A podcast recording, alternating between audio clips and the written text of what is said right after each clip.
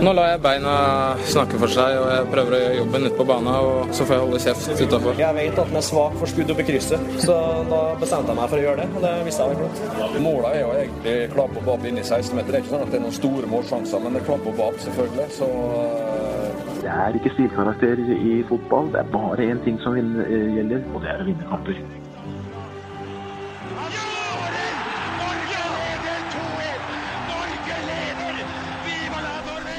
Og der er uh, toppfotball tilbake igjen. Det har gått en hel uke siden uh, sist. Uh, med meg i studio, selvfølgelig Lasse Wangstad. Velkommen. Hei, hei, Roppestad. Takk Strål. for at jeg fikk komme. Sist var du her alene. Eller ikke alene. Overhodet ikke alene. En gjest. Ja, Fin sending. Alexander Melgalvis. En herlig type. En såkalt late bloomer. Ja. Hans reise til endelig å debutere i Eliteserien var tydelig på han at han syntes det var på tide At han fikk debutere i en alder av 27-28 år at uh, muligheten burde og kunne kommet før, sa han. Men uh, Jeg forstår jo det, hvis du har liksom holdt på i de åra du har, da eh, med fotball, og har kanskje følt at du har vært klar for nivå. Men du skjønte jo også at han har vært litt sånn Ja, skulle plutselig studere litt, og var liksom ikke helt sikker på hvilken vei han ville ta, da.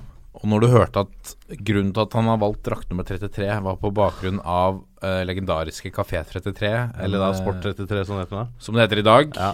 Ikke det samme, men uh, fortsatt et, en pub på, på Grünerløkka. Så begynner du å ane hvorfor kanskje ikke karrieren har skutt fart tidligere. Jeg er helt sikker på at bare pga. det, uh, så bør Kommer han til å få én til to poeng ekstra på børsen hver kamp av diverse norske sportsjournalister. Og han bør få eh, et eget bord med sånn gullplakett på Sport 33 på Grünerløkka. Ja, men uh, så bortsett fra Jeg spørs jo hvor glad jeg er for det i Lillestrøm. da, At det, Lillestrøm-spillerne henger i Oslo, der erkerivalen Vålerenga eh, ikke regjerer, men i hvert fall holder til. Toppfotballredaksjonen har ikke lyktes å komme i kontakt med ledelsen i Lillestrøm sportsklubb for en kommentar. Ei heller Kanarifansen. Ei heller Kanarifansen. Jørgen Kjernås, velkommen. God dag, god dag. Takk for det. Deilig å se ditt fjes. Jo, liker man måte. Du eh, koser deg i, i glansen av uh, ditt uh, nye fantasy-prosjekt som du uh, Nå har du Du har endret på lag. Ja, nå ble det jo snakk om før sending, kan vi røpe at trenger vi snakke om fantasy i dag? Ja, og Vanligvis så er jeg litt sånn Ja, vi, gjør ikke det, egentlig. Men nå, nå var jeg litt sånn Hæ? Skal vi, skal vi ikke snakke om fancy i dag? Hva, hva er det her for noe? Du trenger ikke snakke om fancy hver uke. Nei, nei, jo, nå gjør vi det. Nei. Uh, nei, vi fant jo ut at jeg lå på noe sånn 480.-plass eller et eller annet sånt. Mm. Uh, men så var det jo en haug av spillere som ikke kunne spille. Sander Svendsen, Daniel Fernandes Moa. Uh, ja, Moa. Det, det var liksom Moussa NG var med, så jeg hadde jo ikke, hadde jo ikke spillere igjen, nesten. Eh, så da brukte jeg jo dette wildcardet og bytta ut en sju-åtte-ni mann, tror jeg. Nesten nytt lag. Og så skal jo denne gjengen få lov til å spille høsten ut. Starta jo kjempebra. Hadde Krep Indiata som eh, kaptein. eh, Ja, hadde jo mål og assist mot Kristiansund. Husker dere hvem som meldte Krep Indiata før sesongen? Og nå Ja. Nå ler dere ikke Kjempespiller. av meg Spiller lenger. Thomas Berntsen snakka litt om den før sesongen, hvis det har det du på? Ja, det var jeg som meldte Ja, det var du, ja. Ja, det var- Sorry. Ja, nei, da, så dette fancy-laget skøyt fart opp, og så en litt dårlig runde nå til. Så nå er det vel status quo. Jeg tror det var 491 i Norge, eller, ah, eller noe sånt. Men hvem, er, hvem teller, si? Det, Nei, ikke vi i hvert fall. Nei, det gjør vi ikke. I dag har vi masse vi skal gå i- igjennom. Eh, Vi har en eh, ryddig og feit eh, eh, puls i dag, blant annet med eh, Vi har fått et landslagsuttak fra Lasse Lagerbäck. To. To har vi faktisk fått fra U21-landslagstrener, vår venn, eh, tidligere gjest Leif Gunnar Smerud. Ja. Eh, Så må vi gløtte innom Prosjekt Deila. Eh, Må vel det. Eh, Rosenborg Ajax. Spennende. For, en fantastisk, eh, for et fantastisk utgangspunkt de har sikret seg. Eh, så har det skjedd et par ting fra forrige runde. En ny dommer i fokus. Ja. Det er herlig. Eh, og så eh, har vi begynt Vi har skreket kjempelenge. Eh, Vi har begynt å produsere store, sterke spisser. Det må vi se nærmere på. Og så Og vi er-. Er det Hva skulle du si? Nei, nei, jeg skal bare Ingenting. At det er preview eh, for eh, NM kvartfinale, mener du? tenke meg det var det jeg skulle si. Nei, jeg mener at det var det du skulle si. Det som spilles kvartfinale i Norgesmesterskapet i fotball. Ja. Vi skal selvfølgelig gi deg alt du trenger å vite før de kampene. Heng med! Det var jævlig dårlig, eller? Nei, det var fint. Ja, vi lar den gå. Vi lar den gå. Nå kommer pulsen. Så har eh, 69 år gamle Lars eh, Lagerbäck fra fra Katrineholm valgt å ta ut eh, en landslagstropp. Um, hva er våre umiddelbare tanker? Vi gidder ikke ramse opp alle her. Uh, Vi regner vel med folk har internett og følger såpass med, kanskje? eller? Sjekk det selv Ja. på internett der hjemme, altså. Uh, keeperplass. Ørjan Nyland er vraket. Ingen stor dramatikk, kanskje? Nei, altså Når du ikke spiller klubbfotball, så er det vel uh, greit. og du er, altså, du er jo Han er jo vel ja, Han er jo ikke førstevalg, da. Nei. Han har vel vært andrevalg, men uh, da er det vel greit å gi eh, André Hansen opprykk til eh, andrevalg, og så hente inn en ny tredjekeeper, syns jeg, da. For det ser jo ikke ut som Nyland skal få så mye tillit der han er akkurat nå. Kun, men uh, Grytebuss kunne ikke vært Dyngeland. Folk har nevnt det før. Jo, men det er litt som vi snakka om uh, forrige gang uh, Dyngeland ble tatt ut. Jeg tror han ble tatt ut egentlig litt sånn fordi at han er en ung eh, keeper som spiller fast i Eliteserien og gjør det greit. Så det er sånn, har lyst til å se en, bli litt kjent med en. Kanskje et sånt fremtidsprosjekt om noen år, altså sånn tre, fire, fem år frem i tid. Men nå er det fortsatt kvalikkamper, selv om uh, alle håp om mesterskap er ute. Så uh, syns jeg du skal ta ut de beste, ikke de som kanskje er gode om fem år. For er det ikke, selv om disse kvalikkampene har minimal betydning Vi slåss om poeng, rankingpoeng og sånne ting også. Rankingpoeng, eh, FIFA FIFA-rankinga og koeffisient, eller hva det heter. Altså, eh, vi, vi, vi gjør det, og vi Jeg mener at eh, Lagerbäck må nå prøve å finne stammen sin. Dette er laget han ønsker å bygge videre på de neste to, tre, fire årene, for det kommer en kvalik igjen på sikt. Og da er det, disse kampene viktige, og det er viktig for de spillerne som er med, å prestere. For det, hvis du ikke spiller på Spiller på klubblaget eller ikke presterer på landslaget, så må du øh, sannsynligvis øh, bli bytta ut. Men jeg vil ikke se så mye bytter som vi hadde øh, under forgjengeren, som vel brukte noe sånt som 43 spillere som fikk A-landskamp i løpet av et kalenderår og sånn. Det går ikke. Det, da, da blir det ikke noe kontinuitet i det. Nei. Uh, en annen mann som uh, ikke uventet kanskje har forsvunnet ut av troppen, som har vært med ganske jevnt og trutt, er Even Hovland. Som jo verken nå har et eh, klubb eller landslag å, å spille for. Nei, men altså, du kan ikke ta ut han for at han skal få kamptrening. Nei. Eh, nå må Hovland finne seg en klubb hvor han blir satsa på og får spille fast. Og da er jeg helt sikker på han er tilbake i troppen igjen. For han er en av de bedre stopperne vi har. Men um, selv om han har hatt en del svake landskamper eh, Men akkurat nå, uten klubb, uten spilletid og uten et lag å trene med, da er det greit. Jeg syns jo Altså, hvis vi ser det er åtte forsvarsspillere med, da. Eh, men så har jeg med Martin Linnes som eh, midtbanespiller. Så vi har egentlig ni. Eh, jeg skal jo innrømme at jeg har ikke nistudert hva han har drevet med i Tyrkia siste tida, men for oss er han jo veldig høyreback. Eh, så har jo egentlig han, Omar og Jonas Svensson, da, som jeg ville regna som høyrebacker. Og så har du da Birge Meling og Haita Malesami som venstrebacker, og så har du Jørgen Skjelvik, som jo eh, nesten spiller, har spilt mer der enn på stoppeplass. Så Jeg helt enig. på backplass er vi i hvert fall eh, godt dekka kvantitetsmessig, da. Vi er det, og da hvis du regner Skjelvik som back, så har du egentlig da tre stoppere. Reginussen, Nordteit og Valsvik. Eh, og da er du tilbake til la spillere spille i posisjoner de er vant til. Eh, Nordtveit er vel, brukes vel like mye en sånn defensiv midtbanerolle som med stoppeplass i Hoffenheim.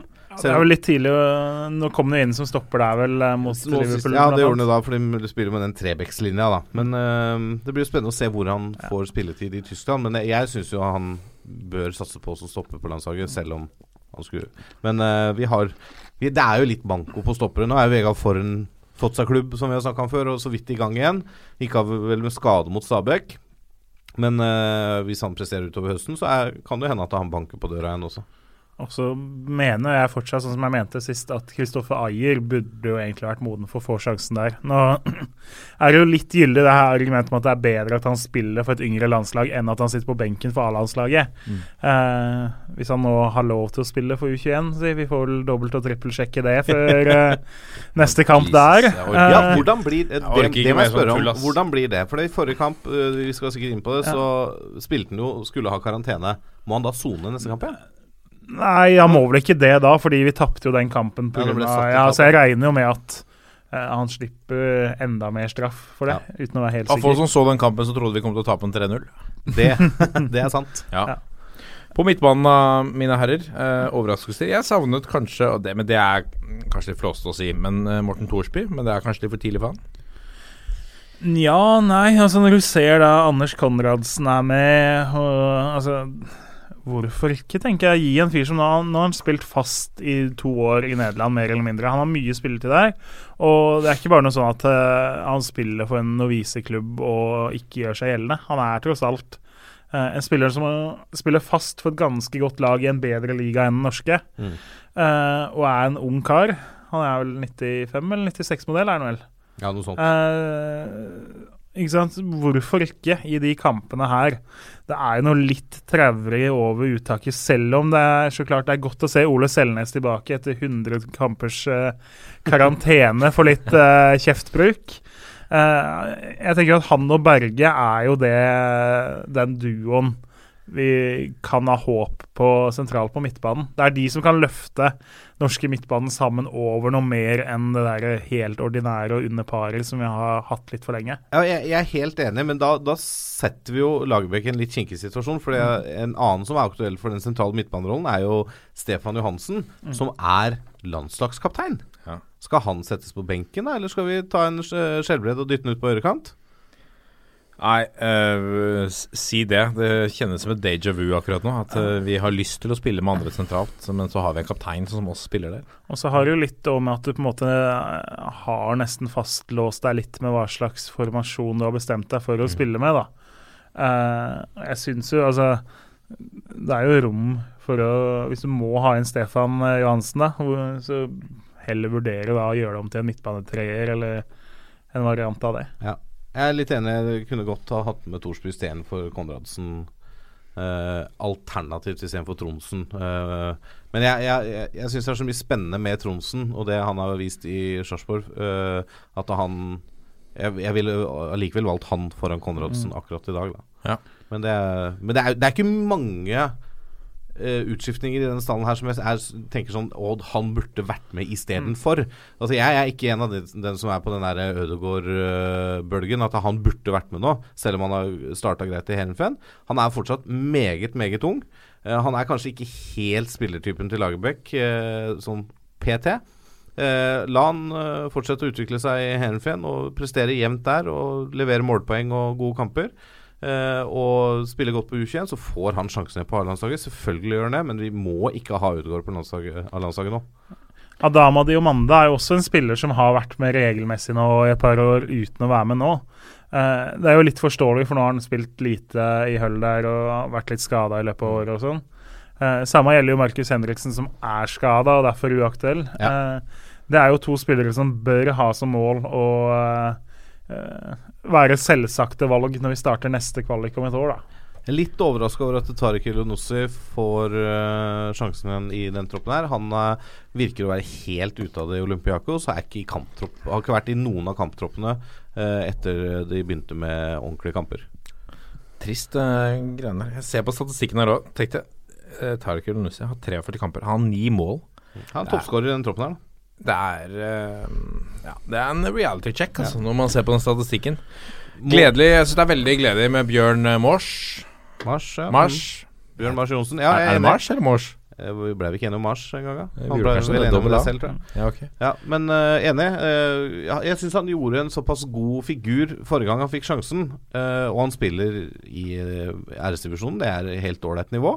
Eh, helt greit å ta med han igjen. Syns også det er godt å se Alexander Sørloth, som er, i skåringsform om dagen.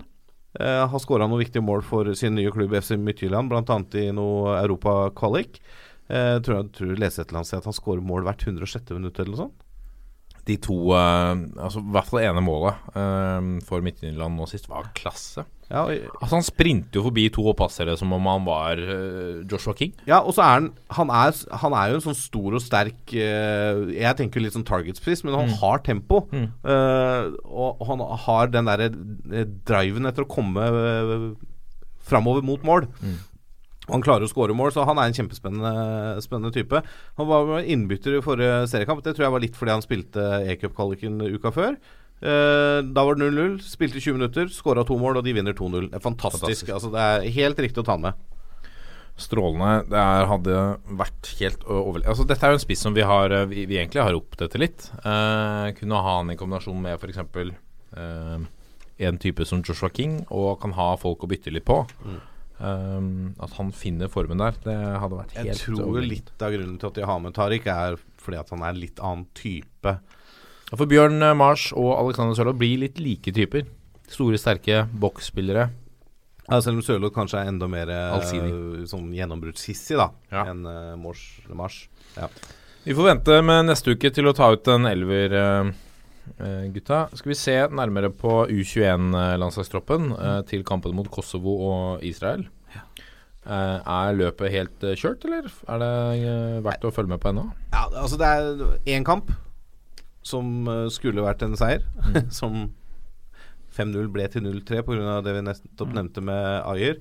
Eh, det er fortsatt muligheter, men det er klart når du har Tyskland i den gruppa, så er det jo ikke det er ikke plankekjøring og walk in the park når du eh, mister tre poeng du skal ha. Mm.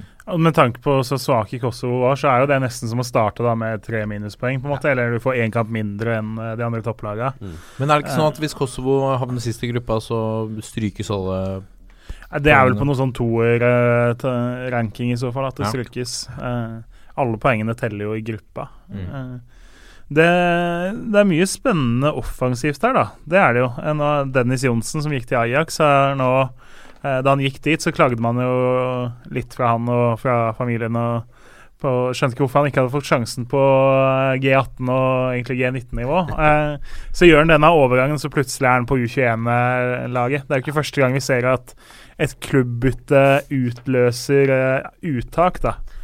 Men uh, det er klart, når Ajax betaler 20 mill. for den, uh, så skjønner jeg jo at man sitter og styrer et U21-landslag og tenker at hei, kanskje vi skal ta en titt på han, eh, vi òg, se ordentlig grundig på han i et par uker. da. Ja, og det er jo det det handler om her. At eh, Han er jo henta inn for å vise seg fram nå. Eh, for det, her har han tydeligvis gått litt under radaren.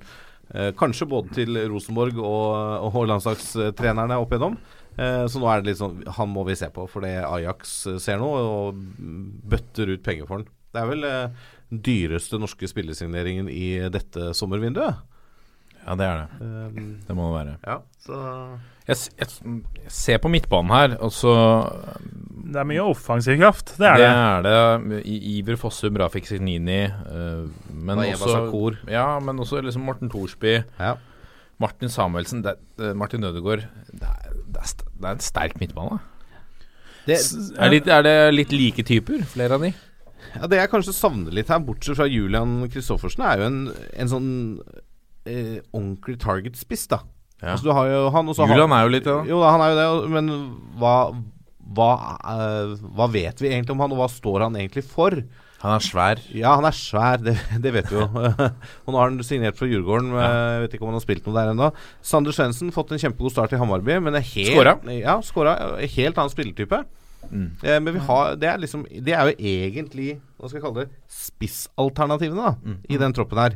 Eh, resten er jo på mange måter eh, offensive midtbanespillere en masse, egentlig. Sakur har jo starta kjempebra i IFK Ja. Göteborg nå. Eh, har sett ut som en skikkelig sånn eh, toveismonsterspiller som som dominerer midtbanen. og eh, Der håper de jo bare at eh, Han er på lån fra Juventus. Der drømmer de jo nå om å få beholde han lengre enn høsten. Så at han nå får spille regelmessig Han har jo vært på lån både her og der. Vært i Vålerenga, vært i Belgia, gikk vel ikke så bra. Han var vel en tur i Nederland òg, var han Nederland det? etter Ja. Vålerenga. Ja, altså Han har jo vært eh, på en måte sendt ut på lån overalt, eh, egentlig, fra Juventus. Eh, har jo vært et kjempetalent lenge, men igjen, da. han gikk til en gigantklubb hvor sjansen for å slå gjennom på A-laget er veldig, veldig liten.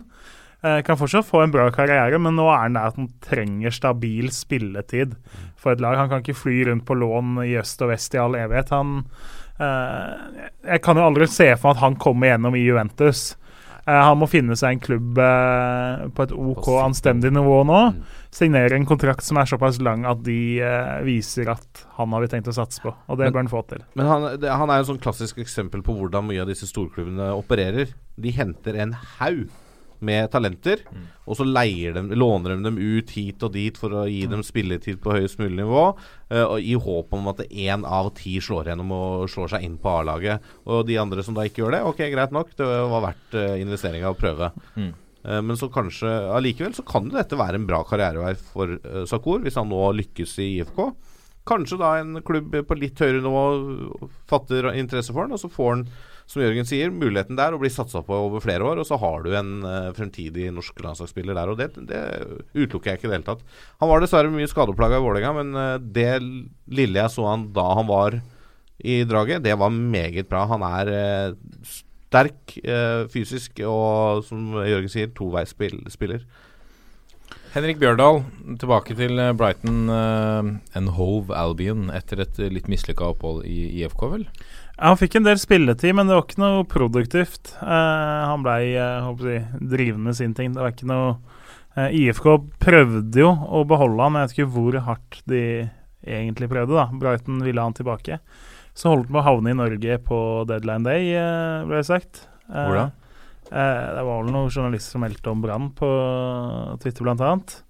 Eh, så jeg veit ikke. Altså, nå, Brighton Det er jo litt det samme som vi snakka om med Mathias Nordmann. Da. Det er et vanskelig klubbvalg å forstå. Mm. Uh, det er klart at han tjener mye bedre der enn han gjorde på Sunnmøre. Eh, blir så gjerne lokka med fine ting og bla, bla, bla. Men nå har han vært på utlån, da. Det er lett å sette utlånsspillere på benken hvis de ikke lykkes med en gang. Uh, og Så kommer han tilbake til en klubb som han er ikke i nærheten av Premier League-nivået. Så skal han fly rundt og spille i den her eh, U23-ligaen i England, som uh, uh, ja, som ikke er veldig utviklende, tror jeg. nei, det, han nå trenger å komme seg et eller annet sted hvor han får spilt. da. Det er jo en det er en høyrekant jeg har sans for som kan få en OK karriere, men uh, da må han spille kamper som betyr noe. Jeg skjønte heller ikke den Mathias Nordmann-overgangen til Brighton uh, inntil han gikk på lån til Molde uh, 25 dager etter. Kan det stemme at han har Jim Solbakken som agent? Det kan stemme. Ja. Da gikk jo på en måte litt tinga i hop her. Da, da forsto jeg egentlig hele greia. Uh, for det, det, helt ærlig, det der tror jeg har vært planlagt, det karriereløpet der, fra Solbakken, hele veien. Få han til en stor klubb. Eh, bra overgangspakke, bra til Bodø-Glimt. Hente han tilbake til Molde på lån, sånn at de får en ganske god spiller eh, til eh, ja, som skal få lov å utvikle seg i Eliteserien, i hvert fall i høst. Og så blir vel rekka at han hentes tilbake da til eh, Brighton. Slår ikke gjennom der, blir sluppet gratis til Molde tilbake. Ja, eller Molde kjøper han for en slikke og ingenting. Sånn ja, det kan jo selvfølgelig skje. Mm. Men eh, jeg håper jo ikke det for nordmanns skyld. Jeg håper Nei. han utvikler seg og blir såpass god at han kan faktisk uh, spille seg på Brighton. Og er jo ikke vi en podkast for engelsk fotball, men det er vel ikke sikkert at Brighton spiller i Premier League når vi sparker i gang neste sesong om et års tid.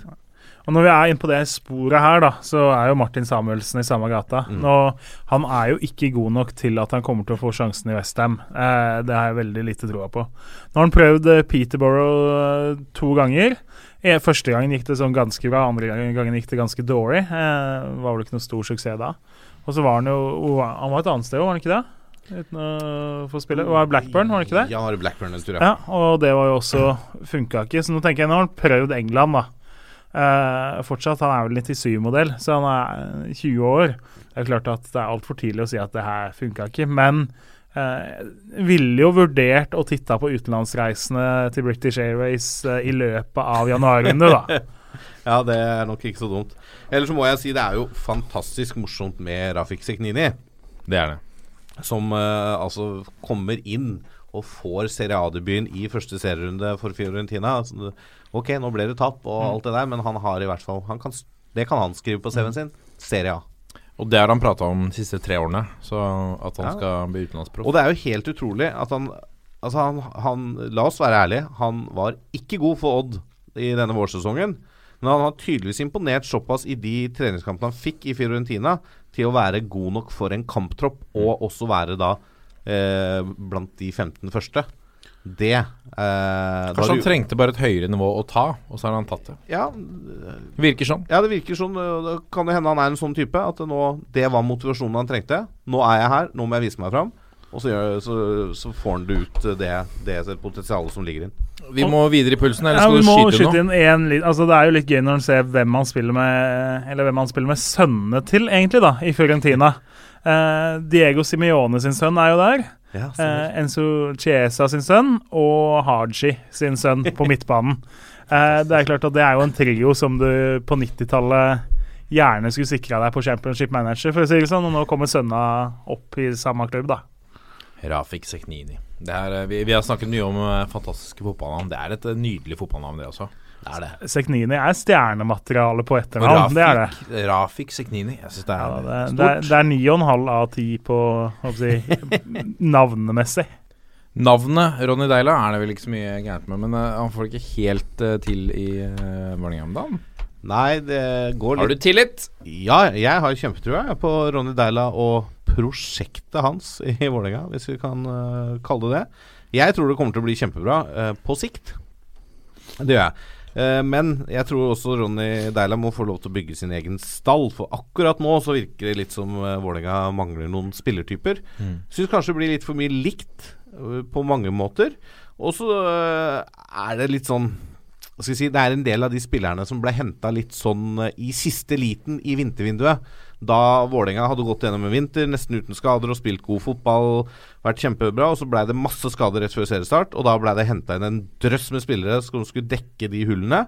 Eh, de har, ingen av de har jo egentlig slått i. Keita er jo ferdig med lånet sitt, og Berntsen og eh, Ibrahim har ikke slått til. Um, Finne har vært sånn helt greit slått til, liksom. Men det har liksom ikke helt klikka på plass, eh, det her. Enar Jeger kan du ikke ta på. Han og Tollos Nation gjør utgjør Det har vært bra, da. Ja, det har vært bra. Tollos Nation har vært fantastisk i år. Tenk, hadde ikke signert denne Riger. Eh, Hva skulle spilt, øh, spilt med i, uh, i mitt Nei, det hadde vært nakken nakke med Nesberg, da. Ja. Men eh, det hadde nok ikke vært like solid. Nesberg som fikk krampe mot Ørn Horten med det. Ja, det er samme fyren. Men, eh, men altså, som vi var innom eh, sist, og etter ranten min altså dette er Jeg har vært innom disse punktene, men Ja. han må få tid til å bygge stallen. Nå virker det som Altså Nå henta de eh, selvfølgelig Adam Larsen Karasei i sommervinduet. Det er, mener jeg er en, eh, en bedre keeper enn uh, Vålerenga hadde. Uh, henter Fiti Masemi for å kanskje uh, Forhåpentligvis, da når han kvitter seg med med matforgiftinga, eh, som har satt han ut av de to første kampene, eh, trist nok, så har vi en spiss som kan være på nesten alle treningene og spille, være klar for nesten alle kampene. For verken Moa eller Henrik Kjelsrud Johansen har eh, vært eh, friske i hele år. Eh, det er for mye fram og tilbake. Jeg, jeg syns ikke Henrik Kjelsrud Johansen er solid nok til å forsvare en plass i elveren til Vålerenga over tid. At han kan være i, i troppen sånn som en mann du kan hive litt innpå, det, det kan så være. Men jeg tror Asemi er et uh, hakk opp, og jeg tror også Asemi i, i form er et hakk opp i forhold til det Moa har uh, vist i det siste. Men jeg, jeg, altså Vålerenga har for lite fremdrift, det er for omstendelig, det, det er, de er for veike i duellspillet. Det er, det er ikke nok spillere som tør å skyte altså Så enkle ting som å skyte fra 20 meter. Det skjer jo nesten Det skal liksom trilles inn i målgården. Eh, og så var det vel en statistikk her som viste at bare 13 av måla til Vålerenga skåra i fritt spill. Og det er jo egentlig litt imot sånn, den spillestilen som det ser ut som Deila ønsker at de skal ha. da Så det det er jo da et veldig tegn på at den spillestilen han ønsker, ikke fungerer optimalt. Så det er mye å gå på, men jeg har ikke mista trua, og jeg har tillit til ham. Jeg håper ikke Vålerenga gjør noe overilt nå og kvitter seg med Deila, fordi at det går litt trått. De har jo øh, høyest possession i ligaen, 56 i snitt per kamp. De har høyest andel vellykka pasninger, øh, 81,2% Ja, og det er som noen påpekte på Twitter, som jeg har vært innom, når eh, snittlengden på de pasningene er to-tre meter, Ja, er klart, klart. da, da klarer du å få ganske høy andel eh, riktige pasninger, da. Det er poenget mitt. Eh, og som du sier også, eh, for, å gi deg tall, for å backe opp eh, din analyse De er nest sist på duellstatistikken. Det er kun 12,8 vunne dueller per kamp. Eh, og fjerde sist på antall mål fra fritt spill. Det er jo eh, Possession-wise og, og passestatistikken taler jo for at uh, Deila har lykkes med fotballen, men, men, de, men de får jo ikke noen skåringer ut av det. Nei, og nå, Lasse var jo veldig inne på det. Det er jo mye med den stallen her og sammensetninga av mange som underpresterer. Jeg tenker at nå uh, Nå skal man jo flytte til ny stadion om tre uker nå. Så åpner man jo på et utsolgt arena allerede. Det er jo, altså Ordet 'utsolgt stadion' er jo egentlig ikke i Vålerenga-vokabularet, egentlig. Eh, Når var det sist? Det var vel cupfinalen eh, de vant? til? Ja, eh, cupfinalen 2008, men ja. eh, med Vålerenga som arrangør uh, i serie, eller i uh, offisiell kamp, så må den vel tilbake til 2005, sannsynligvis. Ja. Og det er jo litt sånn Hvis man uh, som relativt nøytral eh, eh, så håper man egentlig på at Vålerenga som Oslos eneste topplag kan bli noe mer, da. Fordi nå har det jo vært litt sånn at Ullevål Det har jo sett ut som 20 000 tomme seter jubler for Lyn, ble det sunget. Kunne bare bytta klubbnavn der nesten uh, siste halvåret nå. Eh, så jeg håper jo sånn at Vålerenga skal få seg en litt ny start i høst, da. Eh, så kanskje noen av de her 17 000 som kommer på første kamp, eh, som kanskje ikke har vært på Ullevål i år, kommer tilbake de neste siste fem rundene. og Så kjøper de seg sesongkort, og så blir det litt fyr i teltet rundt Vålerenga igjen. Det hadde jo vært ålreit for Oslo-fotballen og kanskje for norsk fotball. Ja, men det, det var en, en brannfakkel som jeg skal kaste, som er eh, selvfølgelig veldig upopulær. Trenger, trenger norsk fotball at Oslo har et uh, elitelag helt i toppen? Ja, det syns jeg, da. Det er altså den største byen. Det er klart at eh, norsk fotball er ikke overøst med for mye interesse for, for tida. Hvis du blar opp VG eller Dagbladet eller skrur på TV2 sin sportssending, eh, eller for så vidt følger med klokka sju til Eller klokka sju på en søndag, da, er en ålreit Premier League-match eh, samtidig, så sitter en overraskende stor andel og melder om den istedenfor å se på norsk fotball. Eh, så jeg tenker at et Vålerenga som gjør det bra, det er kult for ganske mange. Det er ikke alle av de som kommer på kamp. Uh, men da blir det litt mer fyr, og det blir litt prat, og norsk fotball blir kjekkere for flere, da. Uh, men det er klart, det er ikke noe sånn at Rosenborg eller Molde eller Brann eller Viking går under hvis Vålerenga ikke er i toppen. De legger seg ikke ned og gråter for det, men jeg mener jo at vi trenger et topplag, og et godt topplag fra den største byen Ja. og den fineste byen. Og det er jo de som får mest spalte, spalte, Ja. Vålerenga får jo det uansett om det går eh, bra eller dårlig, og det er kanskje litt av uh, hemskoen til Vålerenga òg. At eh, ja, det, det, det, er, det er mange meninger selvfølgelig også rundt klubben, men sånn som ja, Apropos det med duellspillet, når du ser på noen av de lagoppstillingene som har vært i det siste med, altså, Når du bruker Bård Finne, og det er ikke noe forkleinelse av han som alenespiss i en slags 4-2-3-1-formasjon, og litt av spillestilen er lagt opp til at du skal komme rundt på kant og slå innlegg. Uh, når da Bård finner på en, litt under 1,80 kanskje, skal møte stoppere på 1,90 pluss. Det er ikke noe fyrtårn. Nei, han er ikke noe fyrtårn. Han er, han, han, er veld, han er en bra spiller, har veldig mye bra for seg, men jeg tror han Ja. passer bedre som den der venstre innoverkanten. Ja. Og så kan det komme en bekk rundt på overlappen. Jeg tenker Hvis vi skal se bare på stallen, så mener jeg at de tre gutta her, altså Grindheim, Fredheim, Holm, Moa, betydd veldig mye for Vålerenga det siste tiåret. Eh, men nå Grindheim har utgående kontrakt, de to andre er skada, ute av form og mye sånn. Eh, det er jo kanskje tre du burde starte å se på da når du skal gjøre noe med stallen nå.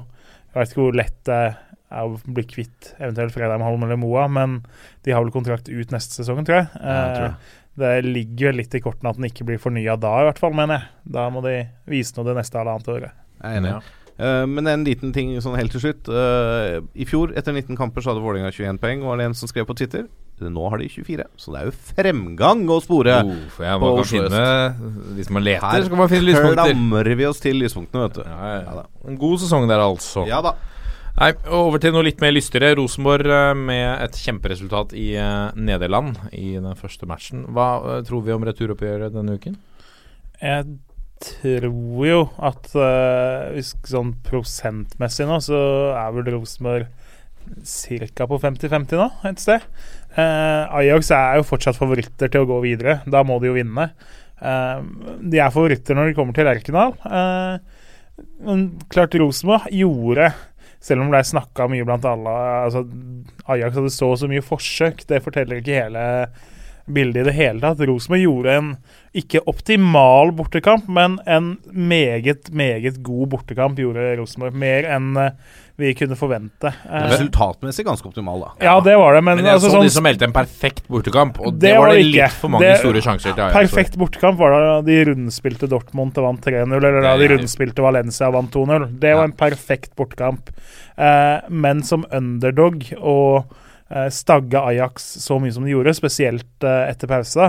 Ja. Eh, og så i tillegg ha litt flyt da med at eh, den her forsvarstabben som gjorde at Adegbendro fikk eh, ballen, og så var jo han iskald i eh, gjerningsøyeblikket si.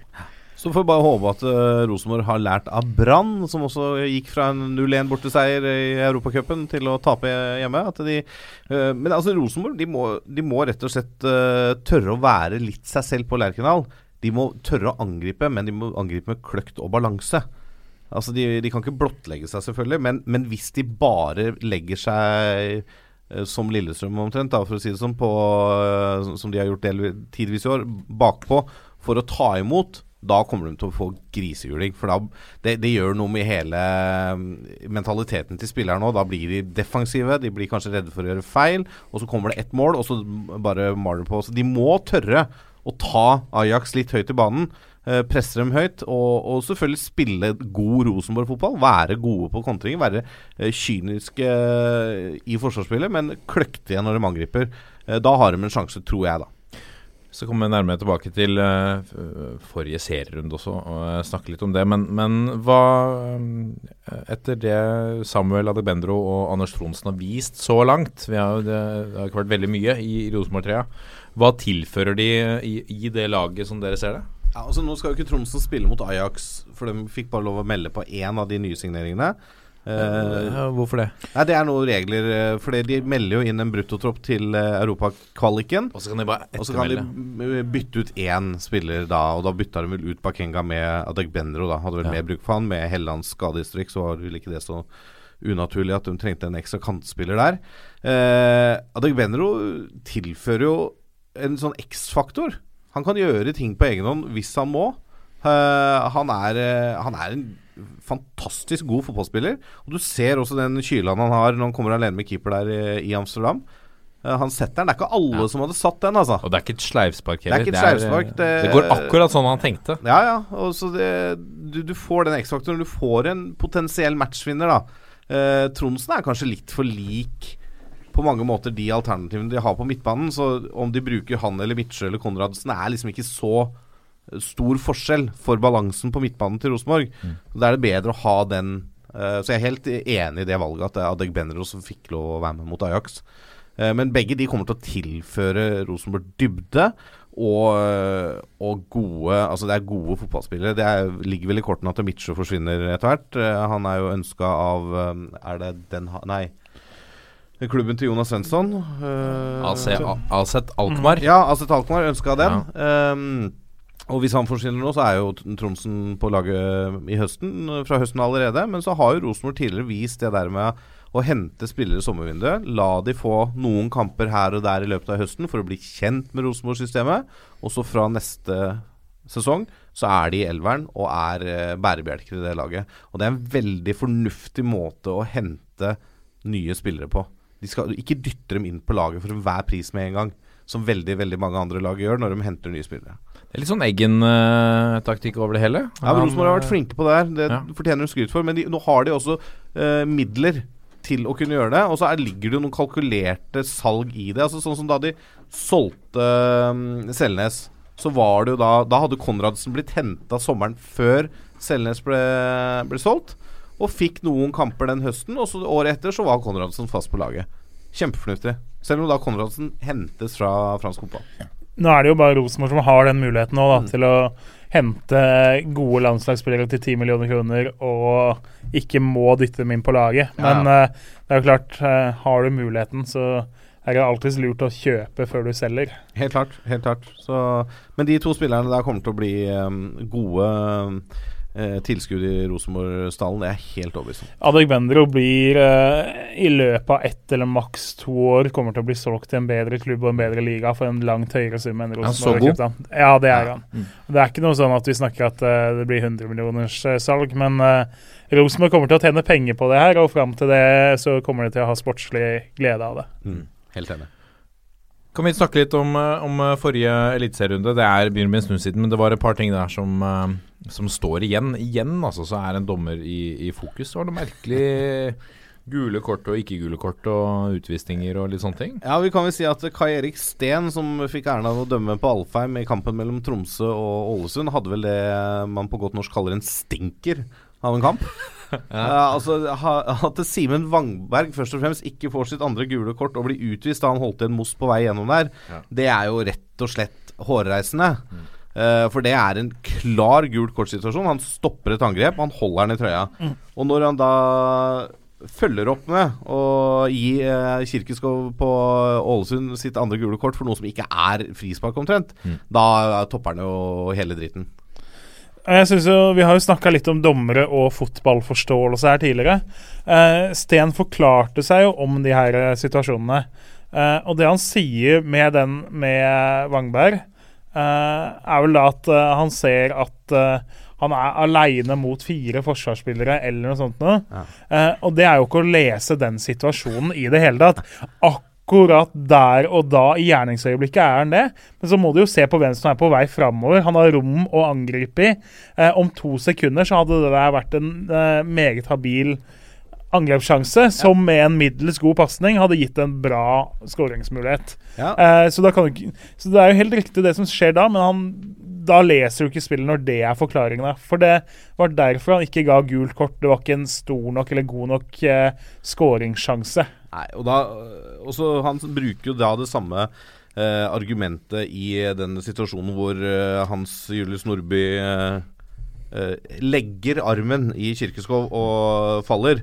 At hadde han kommet forbi, så hadde han vært inne i feltet og skapt en målsjanse.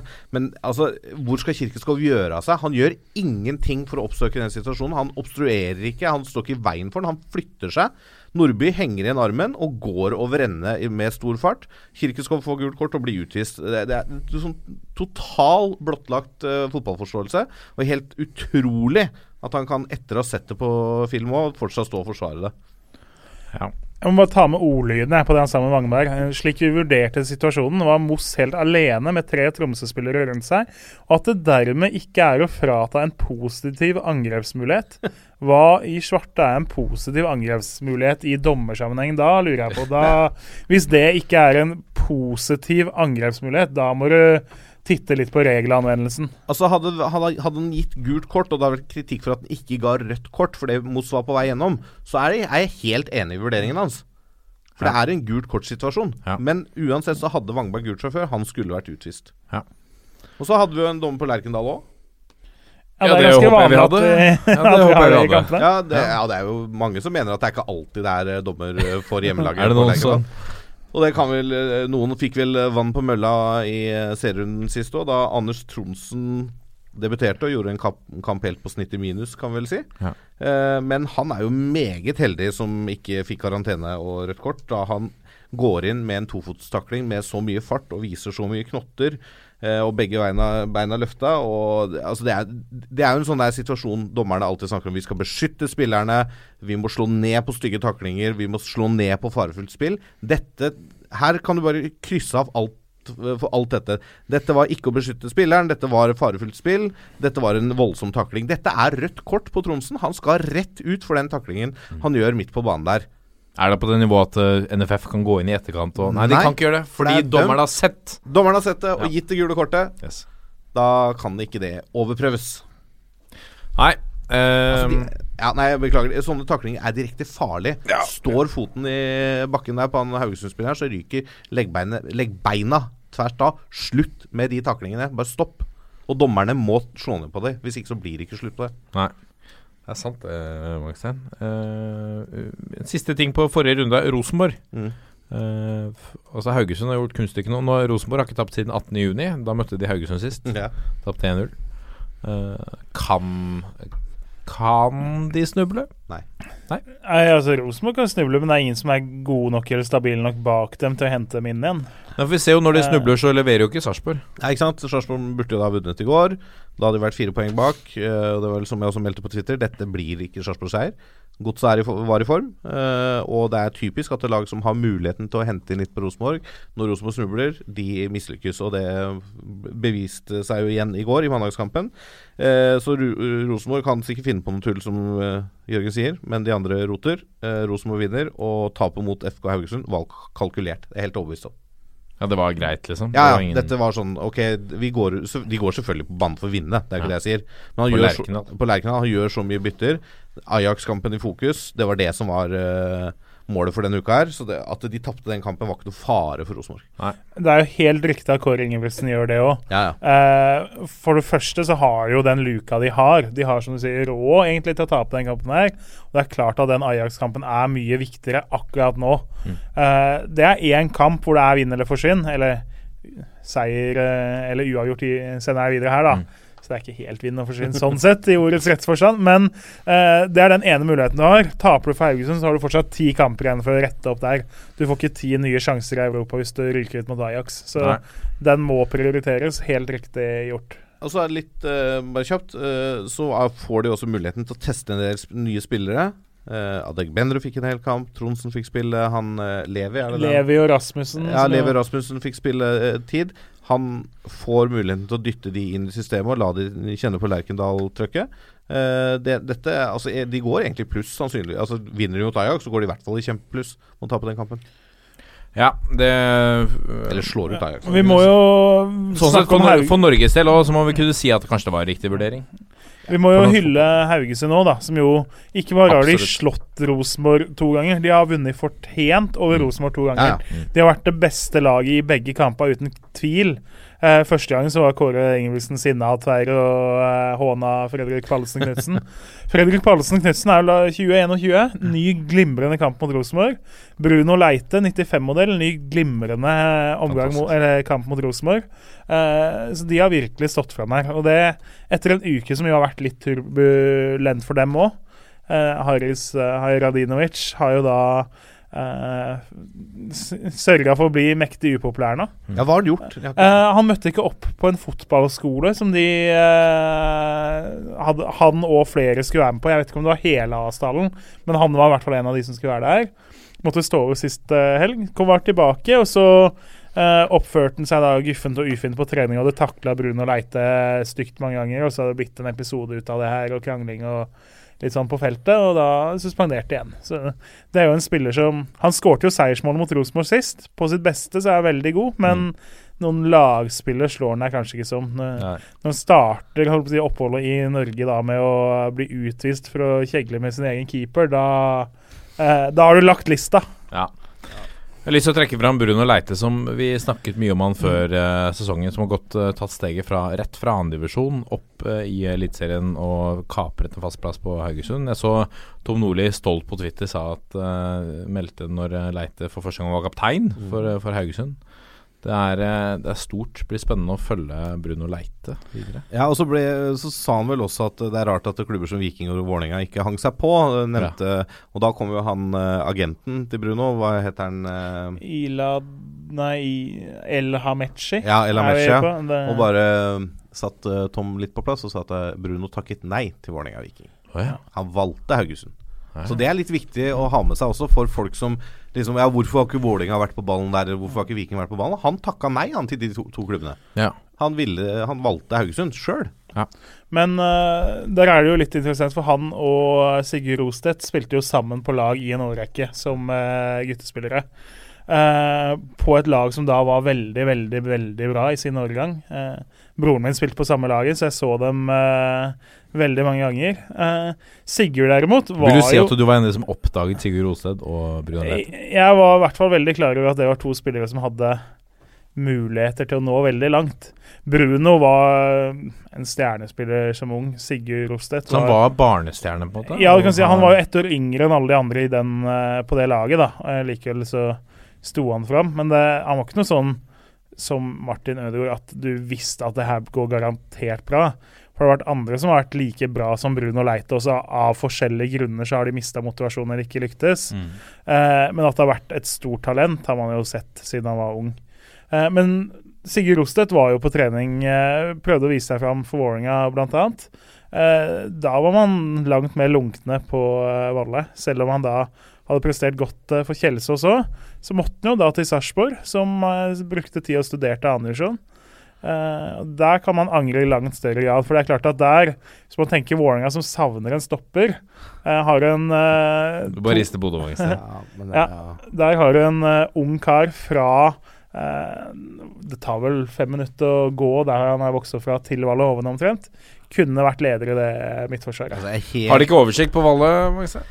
Eh, jo, de de, jeg, jeg, jeg vil jo gjerne tro at de har oversikt på alle, men jeg tror av og til så blir det Altså, jeg, jeg vet da Det er vanskelig altså. å følge Men- med men- på alle, da. Jo, det er vanskelig å følge med på alle, men altså de lokale Oslo-gutta bør jo kunne følge med på. Sannsynligvis er, var Sigurd Rostedt i hvert fall en eller annen gang i tida uh, sympatisør med Vålerenga òg, ikke sant. Uh, og hadde sikkert lyst til å spille det for Vålerenga, han, hvis han fikk muligheten. Men det er klart, det når, når Altså, er, Vålerenga er for utålmodig av og til. Ikke sant? Her har du, De klarer liksom ikke å se det gullet, for at de skal ha inn en spiller som skal gjøre jobben med én gang. Ikke sant? Mens i Sarpsborg så har de tid til å hente og uh, forme og se på. Og, og bruke tid og få de inn i spillestilen og få de gode. Og så til slutt så er du kaptein i eliteserien på s- s- det laget som ligger på sølvplass. Ikke sant? Det er ja, nei, det er, det, er det, er det er vondt å høre om sånne historier eh, som Vålerenga-supporter. Men det det er ikke første gang. Og det blir dessverre helt sikkert ikke siste gang heller. Jeg skal få opp uh, humøret ditt litt. Vi skal snakke om uh, store, sterke spisser som uh, vi har skreket etter. Dette liker jeg. Det, er et, det er et tema som vi har kommet tilbake til. Vi har grilla Håkon Grøtland på det. utviklingssjefen i, i fotballforbundet. Dette er toppfotball. Gro med sterke spisser. Ja, nå begynner jo et par karer å vise seg fram virkelig, da. På et nivå over det andrelagsnivået eller juniornivå. Uh, U17-landslaget var jo med og spilte EM nå, så et par av dem fikk jo sin smakebit der. Uh, og det som er fantastisk med den 2000-generasjonen, er jo at uh, de har tre veldig gode, veldig spennende spisser. eh, som alle er ganske storvokste, eh, spesielt for alderen. Er litt punchy, alle tre. Eh, og har liksom, alle tre har muligheten og potensial til å bli denne alenespissen som vi eh, har savna helt siden Jon Carew sine dager, uten å skulle sammenligne dem helt med det. Uh, den mest aktuelle er jo Jørgen Strand Larsen, uh, Hallen-gutt. Har øst inn mål uh, for Sarpsborg eh, 08 de siste to åra. Både i tredjedivisjon og i interkrets for juniorer så har han et helt vanvittig målsnitt. Fått spille litt i Eliteserien. Uh, Freiburg ville ha han uh, tidligere i sommer. Fikk uh, nei da av Sarpsborg. Nå ser det ut som AC Milan kan bli neste stoppsted. Det er litt av en nyhet, ass. det er jo litt tilbake til det her med Sakur da, og alle de her egne. Kanskje er det et vel stort steg, men jeg skjønner jo at en 17-åring fra Østfold sliter med å si nei til Milan Mm. når muligheten kommer. Og uansett, da, selv om veien opp til å skulle spille på A-lagsnivå der er lang, da, så er det en meget, meget spennende spiss der. Jeg, Jeg tror, ja, jeg, jeg så et bilde på Twitter i dag av, av han og moren hans i Milan. Mm. Det så ut som moren hans òg syntes det her var ganske stas. Ja. Hun smilte greit der tusla. Men jeg ser for meg, jeg husker da vi eh, hadde Jon, Jon Arne Riise som eh, gjest, eh, hvor da han kommer til Liverpool, og Gerard Houllier tar han med ut på Anfield, Mm. og bare spør han Do you want to play here? Mm. Tenk deg- kopp, liksom. Ja. Ja, ja, tenk deg å gå ut på San Siro Ja. eh, og få det samme spørsmålet. Du har jo lyst til det. Det er klart. Du kan ikke si nei. Det Men går ikke. Ikke. så tror jeg også altså, vi, vi nevnte Juventus i stad, at de henter mange og, og prøver å utvikle dem. Eh, Jeg tror de har såpass gode på en måte ungdomsavdelinger, da. Og, ha, og legger et løp. De kommer til å legge et løp da for, for uh, denne spilleren. Og, og, og liksom Ok, nå skal vi gjøre sånn, og så blir du sikkert leid ut litt der, og så skal du få prøve deg. så- eh, men da har de han under vingene. Og så har de muligheten, da hvis han slår igjennom, så er det et, en spiller for de en eller annen gang i fremtiden. Kanskje det er en ny eh, Per Bredesen. Oh, en ny Per Bredesen. Vi, vi hadde Steinar Nilsen var forrige, eh, og Per Bredesen Vi har ikke hatt flere i, i Milan, har vi det? Mm, nei, vi har vel ikke det. det. tror jeg Nei. ikke. Tror ikke det. Eh, Ikke som jeg kom på på strakken, i hvert fall. Nei. Strak list. Nummer to eh, i samme årgangen er jo en vi har snakka litt om, i Erling Braut eh, Haaland. Sønnen til Alf Inge Haaland. Eh, som jo hadde en glimrende karriere, men ikke akkurat var noen målsnik. Eh, sønnen hans har jo nå fått mer og mer tillit i eh, Molde-drakta. Eh, er med, har vært med i nesten alle kamptroppene de siste månedene og fått eh, innhopp i flere av kampene. Uh, Skåret jo et viktig mål bort mot Tromsø for ikke så lenge siden. Uh, også en spiss som uh, tar for seg og la midtstopperne kjenne at han er til stede når han er på banen. Veldig spennende spiss, det òg. Også den, i den årgangen av de tre som jeg har personlig mest troa på, det er Erik Botheim, som eh, egentlig er Oslo-gutt. Slo gjennom i Lyn og fikk spille en del der i fjor. Eh, hadde mange klubber han kunne valgt mellom. Gikk eh, sterke rykter om Dortmund uh, bl.a. da. Valgte å dra til Rosenborg, hadde lyst til å bli i Norge og utvikle seg den veien. Eh, så han har jo egentlig tatt det valget, da. Han kunne lett ha signert for en haug av utenlandske klubber og spilt på eh, de fleste akademier eh, i Europa hvis han ville. Ville til Rosenborg. Eh, og har jo da vært i flere kamptropper der nå. Det er klart det er et trangt nåløye å få spille på topp der. Eh, men har spilt eh, mye i tredjevisjon og fått matcha seg der. Spilt litt i cupen og så fått kjenne litt på å være med litt i Eliteserien.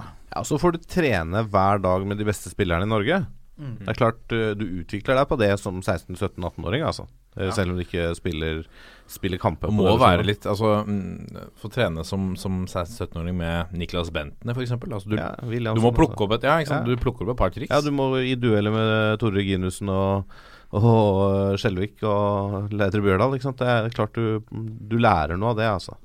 Eller så kan jeg jo da Skal jeg bare melde om nå veldig tidlig, og helt objektivt sett selvfølgelig, en kommende norsk uh, storspiller. Ja. Fire og et halvt år gamle Vetle Wangstein viser et fantastisk tilslag, altså. Han, nå har han fått uh, fotballdrakt og blitt jævlig ivrig de siste dagene. Ja, jeg tror Hva slags han har så mye eh, drakt er det? han fikk en uh, engelsk landslagsdrakt av uh, tremenningen sin. Ja. Han arva da, vet du. Ja, det er greit. Han sover med den, går med den hele tida. Og ikke så mye naturtalent, men voldsom innsats. Takk for Det er det viktigste. Innsats trumfer talent hver gang. Hver gang. Årets uh, trøn, som denne spalten har blitt hetende, Kjernos. Uh, en av kandidatene, Frank Hole, uh, har nå tatt et steg opp til Bryne. Er det en overgang som eh, er å betegne som en kioskvelter i dine øyne? Ja, kan vel hende at Jærbladet solgte et eh, abonnement eller to eh, på den nyheten, men eh, Solgte litt, de ut avisene sine? jeg er litt usikker på om folk sto i kø utafor Jæren storkiosk eh, for å lese nyheten. Det er jeg. Eh, men han er jo en av flere som vi har nevnt som har gått til større klubber. da. Vi hadde jo Roger Ekeland som hamra inn for Stord, gikk til Sandnes Ulf. Eh, Torbjørn Aabrekk som hamra inn mål for Varegg, og så gikk til Florø. Eh, så det er mange som går den veien der, da. Så det er ikke noen nye navn. Jeg tror vi har nevnt de fleste som er på en måte helt oppe i toppen. Men Ja. en som eh, kan være verdt å nevne, som jo for så vidt allerede har skåra i Eliteserien. Eh, så sånn sett så blir det kanskje litt feil karriere sånn. Eh, Sebastian Pedersen, broren til Markus Pedersen.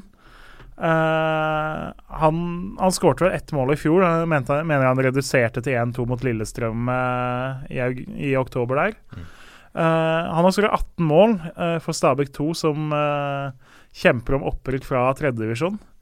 Uh, I en alder av Han er, blir vel 18 eller har blitt 18 nå, så eh, må det sies å være et anstendig antall. Han sitter jo stødig, eller regelmessig, på benken i Eliteserien også, så han er ikke noe sånn det er ikke noe navn vi henter fram fra de dype, mørke skoger uten at noen har hørt om han. Men eh, en, det er vel den yngste som har så mange mål da, så langt i år. Spennende. Det er uh, spennende spillere. Vi, uh, det kommer til å bli en hard kamp uh, i år også om årets uh, trøn. Vi må vel kunne si at hvis han holder snittet sitt oppe, eh, så skal det bli tøft å komme utenom Endre Kupen.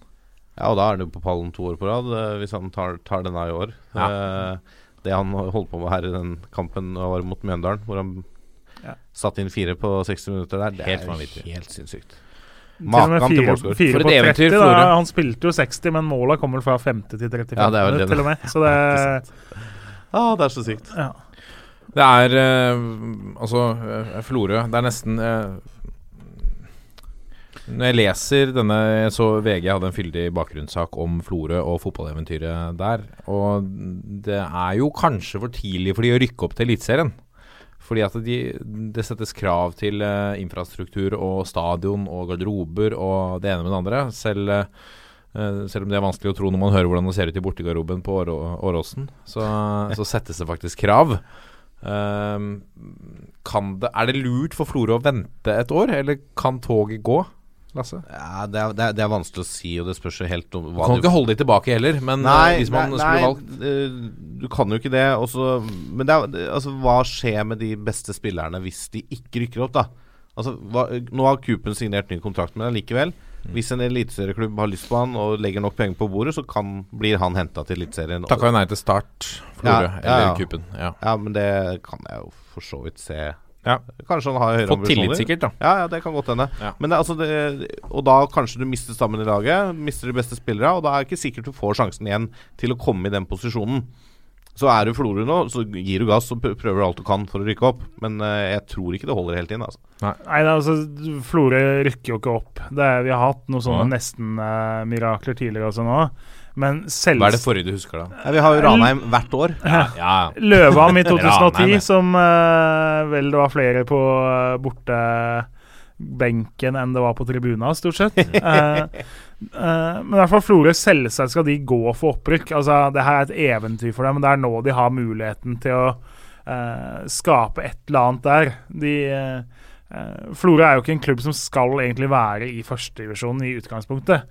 Så når de nå er i hvert fall på skuddhold av noe i toppen der, så kjør på. Og jeg, håper jo litt de kommer til kvalik, i hvert fall. Det kan bli eh, eh, interessant hvis de kommer dit. Det er, ikke Ja, la, det er ikke noe sted man eventuelt gleder seg til å dra til da, Nei. eh, for å spille bortekamp, hvis det blir det.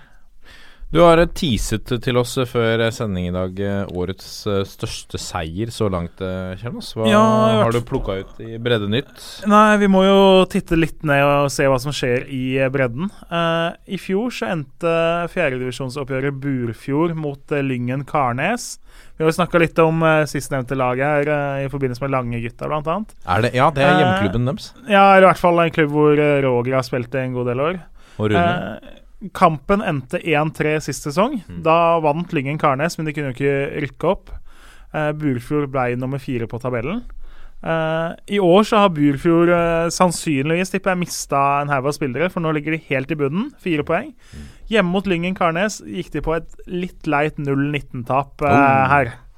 Hvilken det- divisjon snakker vi? Er det tredje eller fjerde? Fjerde, fjerde Eh, og det er jo klart at det er topp mot bunn, men likevel 0-19. Det gjør litt vondt. Uh, og jeg måtte jo sjekke liksom, er det noe sånn Har de stilt med åtte mann fra start, eller hva er det her for noe? De hadde jo faktisk uh, Hadde lag nok til å bytte litt òg, så det vil jo si at de har flydd rundt og sluppet inn mål med oftere enn hvert femte minutt. Og det er ganske ille. Da, da ville jeg vurdert å sparke ballen på havet når det begynte å bli 7-8-0, og så bare heller drøye tida sånn sett. Det, det er rett og slett ille. Men uh, det sier også litt om, etter den serieomlegginga her nå, da uh, I fjor så var, skilte det ganske mye mellom topp og bunn i tredjedivisjon. Det har vi i stor grad klart å fjerne nå. Det er klart å skille fortsatt mellom topp og bunn, sånn som vi gjør i alle divisjoner. Uh, men det der store skillet, det kommer i fjerdedivisjon nå. Der har du et par lag som satser litt, og så har du et par lag som har mange gode spillere som ikke gidder å spille annen- og tredjedivisjon, for det tar for mye tid, det er for mye reising, som går ned dit. Og så har du de her totalamatørlagene som tar det helt useriøst, nesten, som får bank 0-19 eller må trekke laget og sånn. Så fjerdedivisjon har blitt en skikkelig eh, miksa avdeling, hvor du har ekstreme forskjeller i mange av avdelingene. Eh, og 0-19 er bare et eksempel på det, da. Når du sier 019, så må jeg trekke fram, eh, mens vi deler av fra våre personlige liv her, en eh, erfaring fra da vi meldte på mitt kjære Ørn Christiania i fotballserien. Da ble vi selvfølgelig meldt på direkte i annendivisjon, Ja. som et nivå som føltes litt for høyt. Nivå to. Eh, nivå Tre. to Nivå tre. Nivå tre. Ja, det er riktig. Eh, alle kampene gikk eh, som seg hør og bør på søndag. Eh, kampene startet ofte klokken halv ni på morgenen. Som jo resulterte til at vi ved flere anledninger stilte med eh, Altså Man stiller jo som kjent fem på banen i fotsal. Eh, det skjedde at vi stilte med både fire og tre mann. eh, Ja, for det var noe fra start. nachspiel og sånn der, ja. Ja. Eh, og jeg kan si at fire mann uh, fyllesyke uten en keeper eh, er tøft i, i fotsal. Da husker jeg at eh, på stillingen 0-12 eh, så begynte vi bare å slå langt eh, til en fyr som holdt på ballen der oppe, og drøyde tida. Ja. Bare for å få Vi orka ikke mer. Det er, eh, det, det er sånne minner som henger igjen. Drøye tida på 0-12. Det er blitt sånn. Det minner litt om Luxembourg. Norge 2-0. De lå under 2-0, og da begynte de å drøye tida i Luxembourg. Ja, det er fint. Nå blir det veldig internt her, men mitt fremste fotballminne Ja. fra min ikke altfor glamorøse karriere er et dundrende 1-10-tap i høljende regnvær på en grusbane i 8. divisjon. Ja. 1-10-tap, ja. Eh, vi stilte med ni mann fra starta, eh, hvorav tre av oss eh, egentlig spilte for laget. De seks andre var Beklager Oslo fotballkrets, men vi brukte navn som ikke stemte overens med de som var på banen. Dere må være de Eh, første som gjør det. Par-tre av dem hadde vel ikke spilt fotball på tiår og diverse. Eh, en av dem var sykdomsplaga, så han eh, måtte vi bytte ut med Skybert eh, midtveis i første omgang. Eh, lå under 0-10 mot Oslo City 2, som da Oslo City var oppe i tredjedivisjon og et topplag der. Det her var gutta som satt på benken i tredjedivisjon og virkelig ville vise at de fortjente mer spilletid. da. Eh, men de leda bare 10-0, de var litt for glad i å trille ball, så vi klarte å ha liksom sju-åtte mann i forsvar og så én litt rask spiss vi tuppa ballen opp til. Det gjorde vi da også etter 89 minutter. I det her forferdelige drittværet på Rommensletta. Eh, han skårte, og vi feira alle mann i den største sølepytten vi fant eh, bak eh, cornerflagget. Og, eh, og jeg husker et par av de her City-gutta.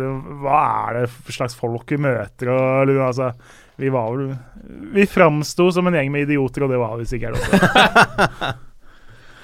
Eh, nå er det må vi, må vi gå videre, men vi må innom uh, denne nye spalten vår, uh, 'Morsomme navn i norsk eh, fotball'. Og da ser jeg, du påpekte det på landslagsuttaket, eh, Lasse, at du hadde oppdaget en uh, landslagsspiss med et Ja, lengre navn enn jeg har hørt, iallfall. Ja, det er jo sånn eh, når eh, NFF eh, sender ut landslagstroppen, så kommer jo alt som står i passet. Ja. Og da plutselig dukka det opp For det liten- virker å være en slags passasjerliste til Ja, det eh, det er jo det. Ja. det er jo, fordi Hvis de skal ut og fly, så må de jo levere inn den. Så Ja. da dukka jo han vi kaller Joshua King opp, og han heter visst da Joshua Christian Kojo King. Ko Tenk han heter Kojo. Kojo. Det er et fantastisk Altså det navnet, det, det, er er, ikke gratis klart at han er stjerne i Premier League. Ja. Det skjønner jo alle som hører det navnet. Men det må jo skytes inn at nå er vi jo litt sånn på at det kan vel hende navn utenfor de norske eller skandinaviske grensene får et fortrinn her. For det er jo ikke alle med fantastiske navn som når så langt. Vi har jo Musha Galusha Bakenga Joar Namugunga. ja, eh, som da det altså er er. Mushaga Bakengas egentlige, eller fulle og hele navn, da. Ja. Det er jo flott. Jeg liker jo litt det, spesielt med at Joar Det er jo litt sånn trønderklingende navn liksom inni der. Så det, det er herlig. Eh, jeg har også en Har mann? Ja, jeg har en mann fra breddefotballen som jeg syns har veldig, veldig veldig fin klang på navnet sitt. Da skal vi til Bjørnevatn. Det vil jo si at eh, skal du til Bjørnevatn, så må du passe på ikke nyse, for da havner du jo i Russland hvis du mister Nei, di. mitt oppfølgingsspørsmål var Skal vi til Bjørnevatn? Eh, nei. Jeg, jeg, jeg, jeg har ikke planlagt noen turer til. Bjørnevatn i nærmeste framtid. Eh. Jeg skal Da- sannsynligvis kjøre forbi neste sommer. Oi, skal du på ferie? Tenkte jeg skulle dra og fiske litt i Russland i Stordal. Spennende. Det må vi snakke om neste år. Da må du kjøre innom og se Bjørnevatn spille. Med, de har en spiss som har gjort det bra Eller en spiller som har gjort det bra på andrelaget. Uh, fått sjansen på førstelaget nå. Det er Kabamba Tumba Kalabatama. Oh, Det er jeg syns det er så fin klang på det, for det er så mye Ja. a-er. Uh, det er jo én u der, men bortsett fra det så er det bare en haug med a-er fra vokallista. da Kabamba, tumba, baba. Klassisk feedback. Kabamba altså. Tumba, det er liksom et fornavn jeg kjenner at det, det er stjernepotensial på det navnet. altså stjernepotensial. Her må bare klubbene hive seg rundt og hente den med en gang. Få solgt mye drakter, si. Ja, nå Bjørnevatn rykker vel sannsynligvis opp til tredjedivisjon. De har én uavgjort og resten seier i fjerde div. Så Det er mye lange bortekamper fra Russland-gressene. Det er vel ikke alle som gleder seg til bortekamp eh, mot Bjørnevatn. Det er en, det er en småseig tur. Ja, det er ikke så langt fra flyplassen her oppe, da, så det er, det er jo Her hører vi vår eh, Avinor-ansatte Ja, ja, ja. slå et slag Ja, ja, ja. for uh, Kanskje skal flyplassen. mellomlande i Russland på vei til en tredjedivisjonskamp. Det hadde vært noe. Ja, fint. En Ja. liten tur innom Murmansk der først. Herlig. Vi må ta med en, eh, en trist melding på tampen. Tom Skanke, 77 år, eh, omtalt som en landets mest kjente idrettshistoriker. Eh, død. En, mange husker han fra eh, 1987, hvor eh, han eh, kom med denne fantastiske hva, Ble det vedtatt, den Ja regelendringen? det, det, Thomas Skanke er jo kjent fordi han i 40 år var eh, den med han, Altså Litt flåsete sagt så sto han bak halvparten av forslagene på fotballtingene. Eh, hvert eneste fotballting så hadde han en rekke forslag en del som ble vedtatt, og en god del som ikke var i nærheten av å bli vedtatt. Eh, Et av de mer eksentriske forslagene var jo at uavgjortkamper i Tippeligaen, eller Eliteserien, eller førstedivisjon, eh, skulle avsluttes, avgjøres med en straffekonk. Eh, det vil Det er jo ett kjempeunderholdning i det. ett poeng til hvert lag, og vinneren av straffekonken får da Ja. ekstrapoenget. Uh, Litt og sånn som hockey. ja, sånn er det jo i hockey, så det er jo ikke en riv ruskende dårlig idé Nei. at uavgjort eh, skal avgjøres på en eller annen måte. Eh, men likevel, det var jo ganske kontroversielt, og det er en minneverdig sesong. Uh, Viking blant annet var vel sånn at de berga vel plassen pga. det her, tror jeg. At sånn at de skulle egentlig rykka ned hvis det 90 minutter hadde telt, men eh, så blei det berga plass isteden. Eh, det var jo et radikalt eh, forslag, og Tom Skanke har vel fortalt at forslaget blei taktisk nok tatt opp tidlig søndag morgen på fotballtinget. En av de, en av de første sakene da som Det var vel ikke alle som møtte opp til stemmegivning, og det var vel ikke alle som møtte opp som var helt klare over hva de skulle stemme over. Uh, han Ja, møtte jeg har hørt at det de fleste ser fram til der, er lunsj. Ja. Så alt annet før det er helt Eh, uviktig. og man, altså Tom Skanke må jo minnes om en uh, meget engasjert person. Når han interesserte seg for noe, så gikk han inn i det med liv og lyst og eh, voldsom energi. da. Så jeg ser jo for meg at den talen han holder til fordel for det forslaget her, må ha kunnet overbevist en del, for han kunne vært politiker som eh, type. Ja. Eh, for min del òg så var han jo aktiv i å, eh, at faren min eh, tok over Hønefoss, og det har jo sørga for å prege livet mitt og fotballivet mitt i ganske stor grad de siste 17 åra. Så sånn sett så har han spilt en rolle der òg. En Stor mann med et viktig, eh, viktig og fantastisk fantastisk Ja, han for var, fotball. han var ivrig for Hønefoss og til dels viktig å trakke litt tråder der en stund også, på 2000-tallet. Så må huskes derfra òg. Stort hjerte for norsk idrett generelt, kan vi egentlig si om Thomas Kanke. Ja, han var veldig god i tikamp i sin tid, ifølge Arne Mm. Jeg mener, Han had, mener jeg har hørt noen historier om noen stille lengderekorder der, eller et eller annet også. Ja. Men det ja, Som fotballmann nå, så huskes den da for 87-sesongen, og det er jo en sesong som eh, nettopp pga. dette straffesparkforslaget vil huskes til nær evig tid da, i norsk fotball. Dette er toppfotball. Og så er det ikke eliteserie denne helgen, men uh, det spilles kvartfinaler i Norgesmesterskapet i uh, vår favorittidrett. Uh, og der begynner vi med kampen Lillestrøm med Stabæk, Kjernas. Ja, først vil jeg jo gjerne skyte inn, da. Beklager å ødelegge rekkefølgen din, men det Ja. her med at de kampene her skal spilles i helga nå, og så er det da landslagsfri helga etter. Mm. Hva er det man har tenkt med når man har satt opp uh, den terminlista? Uh, altså De kvartfinalene Man kan mene mye om at cup kanskje bør spilles i helg og sånn, men kvartfinale er nesten den minst interessante runden sammen med fjerde runde. Uh, det er knapt noen som besøker de kampene her. Eh, og så at man legger det da før en landskamp eh, fri. Sånn at nå får man egentlig en ny sommerferie. da, Tre uker uten eliteseriefotball på rad. Eh, det sliter jeg veldig med å skjønne nå som vi endelig har kommet i gang etter ferien igjen. Mm. Det her burde vært spilt i midtuka nå, som vi sitter og spiller igjen, og så burde det vært eliteserierunde den helga her. Og så kunne vi skjøvet alt en uke nærmere. Nå er vel cupfinalen 3. desember, eller hva det er. Første søndag i advent. Ja, og det er jo altså For de av oss som faktisk kommer på at vi bor i Norge og det blir snø og kaldt og fryktelig, eh, må jo prøve å i hvert fall trekke ting inn mot sommeren så mye vi kan, da. Ja, det er, da, nå, Eh. det er nå banen er best. Og nå, er, nå er det nok sannsynligvis fordi at de, det var, var vel lagt inn at det kunne være noen norske lag i Europacup i midtuka, som det Mm. er med Rosenborg. Men jeg er helt enig. Altså, vi hadde to, en toukerspause i eh, mai-juni var det vel pga. landskamper. Og så hadde vi sommerferien, og så kommer denne treukeren nå for de fleste lagene. Det er helt uh, tåpelig. Ja, eh, med det sagt, Lillestrøm-Stabæk, Kjernås, hva eh, tenker du? Nei, der tenker jeg jo at uh, for ti år siden så blei jo dette oppgjøret mye omdiskutert. Fordi uh, Arild Sundgodt uh, dro med seg ballen med hånda og tuppa vel inn Var det 2-0-skåringa han tuppa inn like før pause, mener jeg. Tuppa i hvert fall inn målet som ble avgjørende og sørga for at Lillestrøm gikk til finalen og slo Haugesund. Uh, Stabæk uh, røk på huet ut og eh, er vel litt bitre en del eh, der ennå. Jeg tror ikke de jubler for å se Arild Sundgodt uh, igjen i cupsammenheng. Uh, hvis vi bare skal se på kampen mellom de 11 eller 14 som skal ut på banen for hvert lag nå, da, så er jo Stabæk er jo kanskje det vanskeligste laget å lese eller spå nå uh, for tida. Uh, du kan vel stort sett si det som så at hvis de er underdogs i en kamp, så gjør de det bra, og er de favoritter i en kamp, så gjør de det dårlig for tida. Eh, men jeg syns jo mot Molde jeg synes det var en veldig overraskende seier. Jeg trodde Molde skulle ta den. Stabæk eh, viste litt glimt igjen. Eh, Hugo Vetlesen spilte fram Jon Ho Sæter til 1-0 der. To unge, lovende midtbanespillere som kan bli, virkelig bli noe i norsk fotball. Lillestrøm slo jo da Vålerenga. Kjempe ikke sant? Lillestrøm har også ligget litt og vaka. Har ikke bestemt seg for om de skal være med helt i bunnstriden og har ikke vært gode nok til å være med helt i toppen. og uh, Ligger litt sånn der eh, in limbo hele tida. Uh, jeg syns de har, hadde en voldsom innsats mot Vålerenga. Du så at den betydde noe. Det gjelder jo å gjenskape det samme nå, uh, selv om rammene ikke blir de samme. Eh, det er to lag som bør egentlig være ganske fornøyd med den trekninga, tenker jeg da. Eh, jeg tror begge to var fornøyde. Lillestrøm fikk hjemmekamp mot et lag de er favoritter mot. Stabæk unngikk tross alt Molde, Rosenborg og Sarpsborg og til dels Vålerenga, da.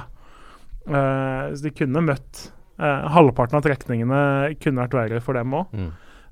På banen jeg syns det er en jevn kamp. Det er kanskje den mest Eller det er den mest åpne kampen av de fire kvartfinalene. Eh, jeg har mest tro på Fugla. Tipper 2-1-seier til Lillestrøm her. Ja. Spennende. Det er eh, en gyllen mulighet for Arne Erlandsen til å faktisk altså, ta et lag som vi dømte nord og ned. Ikke nord og helt ned, kanskje, men, eh, men eh, vi dømte at de skulle få en forferdelig sesong. eh, til å få en, en decent sesong. Lillesund Det var vel noen i det studioet her som meldte at Lillesund kom til å klare seg med god margin, men jeg husker ikke helt. Oi, Det var- oi, oi, Ironisk at det var Vålerenga-mann. Jeg hadde Lillesund på åttendeplass. Jeg må få lov til å skyte inn det. Så Ja, det- det var det sikkert bare meg, da. Da var det det deg, og andre idioter vi hadde på besøk her. Ehm, hva tenker vi om Molde-Kristiansund? Altså Her får vi et, et lokaloppgjør. Vi snakker om at dette er kamper i denne delen av Norgesmesterskapet som er lite besøkt, men denne kampen må vel Her må folk kjenne sin besøk. ja, det her blir, for å si det, det her blir helt sykehus. Ja, ok Oi! Ja, du har så troa på det? Det var en dobbel bunn på det, da. Det er jo en sykehusstrid mellom Molde og Kristiansund oh, for tida, så ja, det var okay. mer et ordspill på det enn at kampen nødvendigvis kommer til å ta helt av. Ja, nei, jeg tror vel eh, Altså Sånn Kristiansund har holdt på på, borte, nei, på bortebane i år, kontra hjemme, så er jo Molde storfavoritter.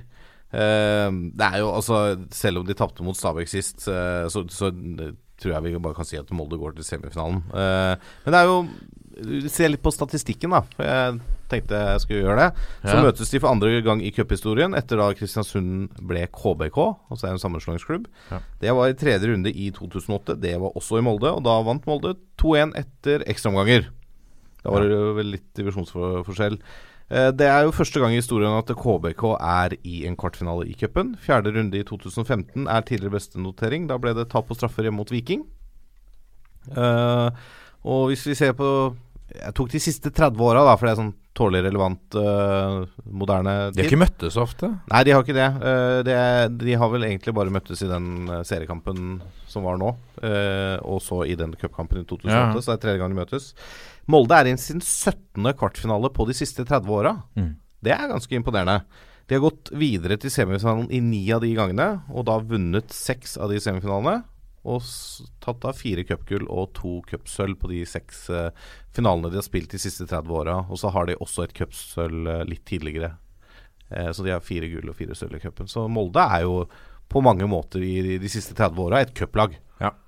Eh, og det, det er jo ikke så lenge siden de vant to cupmesterskap på rad, blant annet, her på, under uh, Solskjærs ledelse. Så um, eh, Molde har erfaringen til å ta dette ganske greit, tror jeg. altså. Er det godkjent sesong av Molde uh, hvis de ikke klarer europaplass, og hvis de tar det med Altså får det til med et cupmesterskap? Er det, er det godkjent? I, Altså, de, de, de, ligger- er, de på tredjeplass nå? Uh, nei, Brann er forbi og Sarpsborg. Så er på fjerdeplass akkurat uh, Ja. nå. Jo. Jo, men tredje, fjerdeplass og cupgull, det er, mener jeg er godkjent. Det er, vi spiller om to pokaler i Norge. Vinner en av de, godkjent sesong. Ja. Altså, Ja. Med, med et par forbehold, men det er ja, klart så at legger du ikke rykker ned. blir det nummer ja. tre-fire sånn som. Klart Molde hadde større ambisjoner da i serien enn å ligge og vake der de gjør akkurat nå, men ender jo opp rundt der de er nå, og vinner cupen. Helt enig. Du kan ikke klage da, i hvert fall. Det er, det, er en, det er en karakter fem eller noe rundt der. Å, det var raust. Ja, fem minus, det. Ja. Altså, vinner du cupen Du husker jo ikke om eh, et halvt år om du ble nummer fire Nei. eller nummer ni i Nei, serien. men du husker neste år om du, du, kommer i Europa. du husker et par uh, uker, på en måte. Mm. Men cupen den står jo i historiebøkene for evig og alltid. Ja. Uh, så jeg, det er klart du vil heller vinne cupen og bli nummer tolv i serien enn tape semifinalen og bli nummer fire i serien. Ja. Det, det er, der mener jeg at det er, det er ikke tvil engang. Nei, nei. Eh, jeg tenkte um, først og fremst med tanke på Europa, men eh, Ja, det er jo for så vidt et Men det får du jo da med Med cupgullet uansett. Rosenborg, Vålerenga, Vangstein. Har du troa? Kanskje mm, eh, Kanskje, eller? Ja, altså dette er jo eh, Nå er jo Rosenborg favoritter i denne kampen uansett hvordan det går mot Ajax på torsdag, om det går til ekstraomganger eller hva det gjør. For de har såpass bred stall. Uh, så det Ja, altså Men den kampen kan jo spille inn nå, hvis det, hvis det blir en kamp hvor de altså, sier det blir ekstraganger. De løper Ja. seg tomme. Og tapper. Da blir de revansjesugne. Vinner de, så er de høyt på strå. Nei, altså, det kan slå begge veier, men Ja. Rosenborg er uansett favoritter hjemme på Lerkendal. Ja.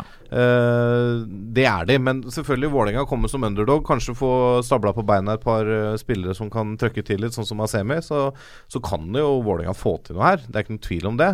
Eh, men hvis vi ser på historien, så er det jo lite som tyder på at Vålerenga skal eh, komme seg av gårde her. Det er jo da Hvis vi ser etter 1962, da, da man uh, slo sammen uh, øverste divisjonen, så er dette uh, den 82. kampen, kampen mellom disse innbyrdes. Men det er faktisk bare andre gang de møtes i cupen. Og sist var kvartfinale i 2013, også den på Lerkendal. Da vant Rosenborg 2-1 etter at eh, vår store helt Nikki Bille Nilsen avgjorde to minutter på overtid. For en legende. Ja, Da Vålerenga utligna etter 88, og så skåra Nikki Bille Nilsen med krampe i begge legga eh, etter 92. Eh, på disse 81, 82 kampene som er spilt da, tidligere, så er, står Rosenborg med 41 seire. 20 kamper er endt uavgjort, og Vålerenga har vunnet 21. Eh, På Lerkendal så er det enda styggere for Vålerenga. 26-5-10 Mm. står det der. Eh, Vålerenga har ikke vunnet på Lerkendal siden 3-2-seieren i gullsesongen 2005. Så begynner det å bli noen år siden Vålerenga gjorde det godt på Lerkendal. Eh, og sist Rosenborg ikke slo Vålerenga på Lerkendal, var i seriekampen i 2013. Da endte det 0-0. Så, og Vålerenga har heller ikke slått Rosenborg på de siste tolv oppgjørene. Åtte Rosenborg-seiere og fire uavgjort. Så det er jo, altså Rosenborg har taket Ja. på, på Vålerenga. Hvis du ser litt sånn eh, Apropos cuplag, da. På de siste 30 årene har Rosenborg vært i 21 kvartfinaler. Ja. Eh, og vunnet 15 av de. Det er ganske bra. Ja. Eh, og 11 eh, Skal vi se her, åssen blir det her? Jo, av 15 semifinaler har Rosenborg vunnet 10 og tatt, videre tatt 7 eh, cupmesterskap. Så finale 10 finale på 30 år, altså finale hvert tredje år, det er respektabelt, altså. Mm. De har jo to cupgull på rad nå også. Eh, Vålerenga har i samme periode spilt 13 kvartfinaler og vunnet seks av de. To semi Det blir da til finale tre ganger og blitt cupmester hver gang de har gått til finalen. Ja. Så Så det er et lag for de store anledningene. ja, det er det. Eh, Men hva, hva skal de gjøre nå, da? For å ha en sjanse der oppe? nei, de må jo hangle seg videre, da, som de har gjort i hele cupen i år. Ja. Eh, Hva sier man i garderoben når man skal hangle seg videre? Nei, det vet jeg ikke, men eh, ok, det ble det 8-0 til Vålerenga i første runde mot Gran borte. Men så var det 2-2 borte mot Kråkerøy etter å ha leda 2-0. Vant 5-4 på straffer. 0-0 og vant da 1-0 etter ekstraomgangen borte mot Ørn Horten. Og en solid 1-0-seier hjemme mot Elverum i fjerde runde. Det har vært mye hangling. Det har vært så hanglete, vet du. Eh, Så hvis de får til å hangle litt til, så kan det jo gå, gå veien her. Men eh, som sagt, jeg tror Rosenborg er ganske store favoritter, altså. Ja, det er uh, tro. Det er jo uh, De er- kan. Det kan bekreftes, Ja, ja. det kan bekreftes. Uansett om det er tre dager siden eh, den Ajax-kampen. Til slutt så har vi uh, en, en altså eh, en potensiell Askeladd, men det er jo et lag vi alle kjenner veldig godt, Mjøndalen, som tar imot Sarpsborg eh, hjemme. Jubelen sto i taket da trekningen ble klar at de fikk hjemmekamp igjen. Eh, og kan det komme en ny skrell? Jeg tenker kanskje at uh, det, er, det er fullt mulig, i hvert fall på hjemmebane. Mjøndalen er ikke så rent gæren og ligger bare på åttendeplass i, i Obos-ligaen uh, så langt sesongen. Uh, Ligaens fjerde beste Fjerde beste hjemmelag. Um, jeg vet ikke, det er vanskelig å spå. Sarpsborg har bøtta inn mål så langt i, i cupen. 4-0 mot Odd sist. 4-0 mot Kongsvinger før det. 3-1 mot Moss. Uh, før solide 10-1 mot Drøbak Frogn i første runde. Men Mjøndalen er vel litt det Obos, uh, laget i Obos-ligaen som ligner litt på Stabæk. De er litt sånn uberegnelige. Veldig. Eh, de Plutselig taper de 5-6-0 eller hva det var mot Florø, og så vinner de uh, mot et topplag. Altså, det, de er veldig vanskelig å spå hva som egentlig bor i det laget, og de har en del spennende spillere. Mm. Vi husker jo i fjor at det var et lag som jubla veldig for å få en hjemmekamp i uh, cupen der mot Kongsvinger. Uh, Strømsgodset, nå er det vel ikke helt samme styrkeforholdet. Kanskje det er det omvendte styrkeforholdet her, da. Mm. Sarpsborg-Mjøndalen. Men uh, Sarpsborg må jo være favoritter. Men det er klart Mjøndalen kan finne på, finne på å ta den uh, her, selv om Sarpsborg er et meget godt lag om dagen. Ja, fordi at de er jo um, Sarpsborg er favoritter, uh, men, men de har gjort det så godt i serien at jeg kan fint se for meg her at uh, at de kan gå på en skrell. Det blir en veldig spennende match. Uh, jeg heier selvfølgelig alltid på de lagene med brundrakter, så det blir en interessant interessant kamp. Jeg vil si rundens, eller ikke rundens, men denne altså kvartfinalens mest interessante kamp er Mjøndalen-Sarpsborg. hva, hva tenker dere selv? Har dere en annen favoritt? Hva skal Altså, dere se? Altså Jeg syns jo at uh, Lillestrøm-Stabæk er den mest åpne kampen Ja. av, av de fire kampene her. Eh, tett fulgt av kanskje Mjøndalen-Sarpsborg. Mm. Uh, I de to andre så er det to Du tenker at det er en åpen match? Ja, forholdsvis i hvert fall. Altså Sarpsborg er favoritter, men du, du skal ikke utelukke Mjøndalen. Nei. I de to andre så er det to soleklare hjemmefavoritter i Molde og Rosenborg. Ja. Uh, så sånn helt nøytralt sett så ville jeg kanskje valgt da Lillestrøm, Stabæk, Mjøndalen, Sarpsborg. Mm. Men jeg skal jo selvfølgelig se Rosenborg-Vålerenga. Det er klart. Uh, Pine meg gjennom den. Så Ja. det. Se Vålerenga hangle seg videre, kanskje? Og det hadde vært gøy. Og det hadde vi trengt. Hvis man hangler seg videre mot Rosenborg, så er det ikke hangling. Da er det en, en perfekt Altså, bortekamp. Altså, jeg, jeg tar en så ufortjent seier som bare rakkeren, altså. Ja. Så lenge Vålerenga går til semifinalen og vinner den og tar cupgull. Det er helt greit. Kan hangle hele veien. Jeg kan love deg, det er ganske gøy å slå ut Rosenborg eh, av cupen på Lerkendal. Hønefoss gjorde jo det i 2004. Ja. Eh, trønderen Are Tronseth skåret seiersmålet ti minutter før slutt. Det var en helt magisk opplevelse. Så Fordi ja. eh, ut av all den statistikken du dro fram i sted, hvor, som viser Rosenborgs eh, solide styrke i norsk fotball, så er det også en del solide skreller. Eh, kanskje ikke så langt ut som kvartfinalen, men eh, jeg husker jo de har tapt. Altså Strindheim og, og Sandefjord 5-2. Ja, Sandefjord. Tapt for Follo, tapt uh, røyket for Kristiansund på straffe Ja. for noen år siden. Mm. Uh, så de har noe gått på noen miner der, definitivt. Follo-kampen er jo en av de mer minneverdige nesten i norsk fotballhistorie. Fantastisk. Men, det var litt overdrevet, da, men det, i cuphistorien så er det kanskje den største skrellen, eller i hvert fall mest uh, omtalte skrellen, da. Ja. Men apropos den uh, litt statistikk, da. Om Rosenborg nå skulle ta seg til en semifinale, så er sjansen ganske stor for at de får hjemmekamp. Mm. For på de De har jo da 15 semifinaler de siste 30 åra. Eh, 11 av de har de fått hjemmekamp i. 13 bortekamp. Og så er det to av de som er, det er mellom 94 og 97, så ble semifinalene spilt som dobbeltoppgjør. Mm. Så, er, så de De har bare med kuler, sikkert, når de trekker fra er bollen. 11 av 13 mulige semifinaler er spilt på Lerkendal. Ja. Så hvis noen driver med sånn betting Jeg vet ikke om noen i det studioet her gjør det, uh, Jørgen. Så er setter penger på at Rosenborg får hjemmekamp, i hvert fall. Kanskje det er han Terje Svendsen som skal trekke eh, kulene. Ja, det er flott. Ja. Vi er uh, toppfotball på Det var det vi rakk. Eh, ha, har vi noe mer på tapetet før jeg drar uh, avs avs avslutningen? Nei, kan vi ikke si at det er greit eh, for denne gangen? Ja. Hyggelig, hyggelig samvær nok en gang, gutter. I like måte, altså. Det er eh, deilig å komme hit og prate litt norsk ball. For å sitere Roppestad, det er deilig å se deres fjes. Ja, ja men ja, ja, det er en ærlig sak. Ja, hyggelig sak. Jeg Ærlig liker andletet deres. Ok, Ok, nå går vi videre. Send oss en mail, da. Toppfotball at 451.no.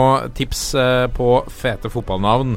Storskårere fra lavere divisjoner og generelt gull fra norsk ball. Eh, vi er også på Facebook, Twitter og Instagram.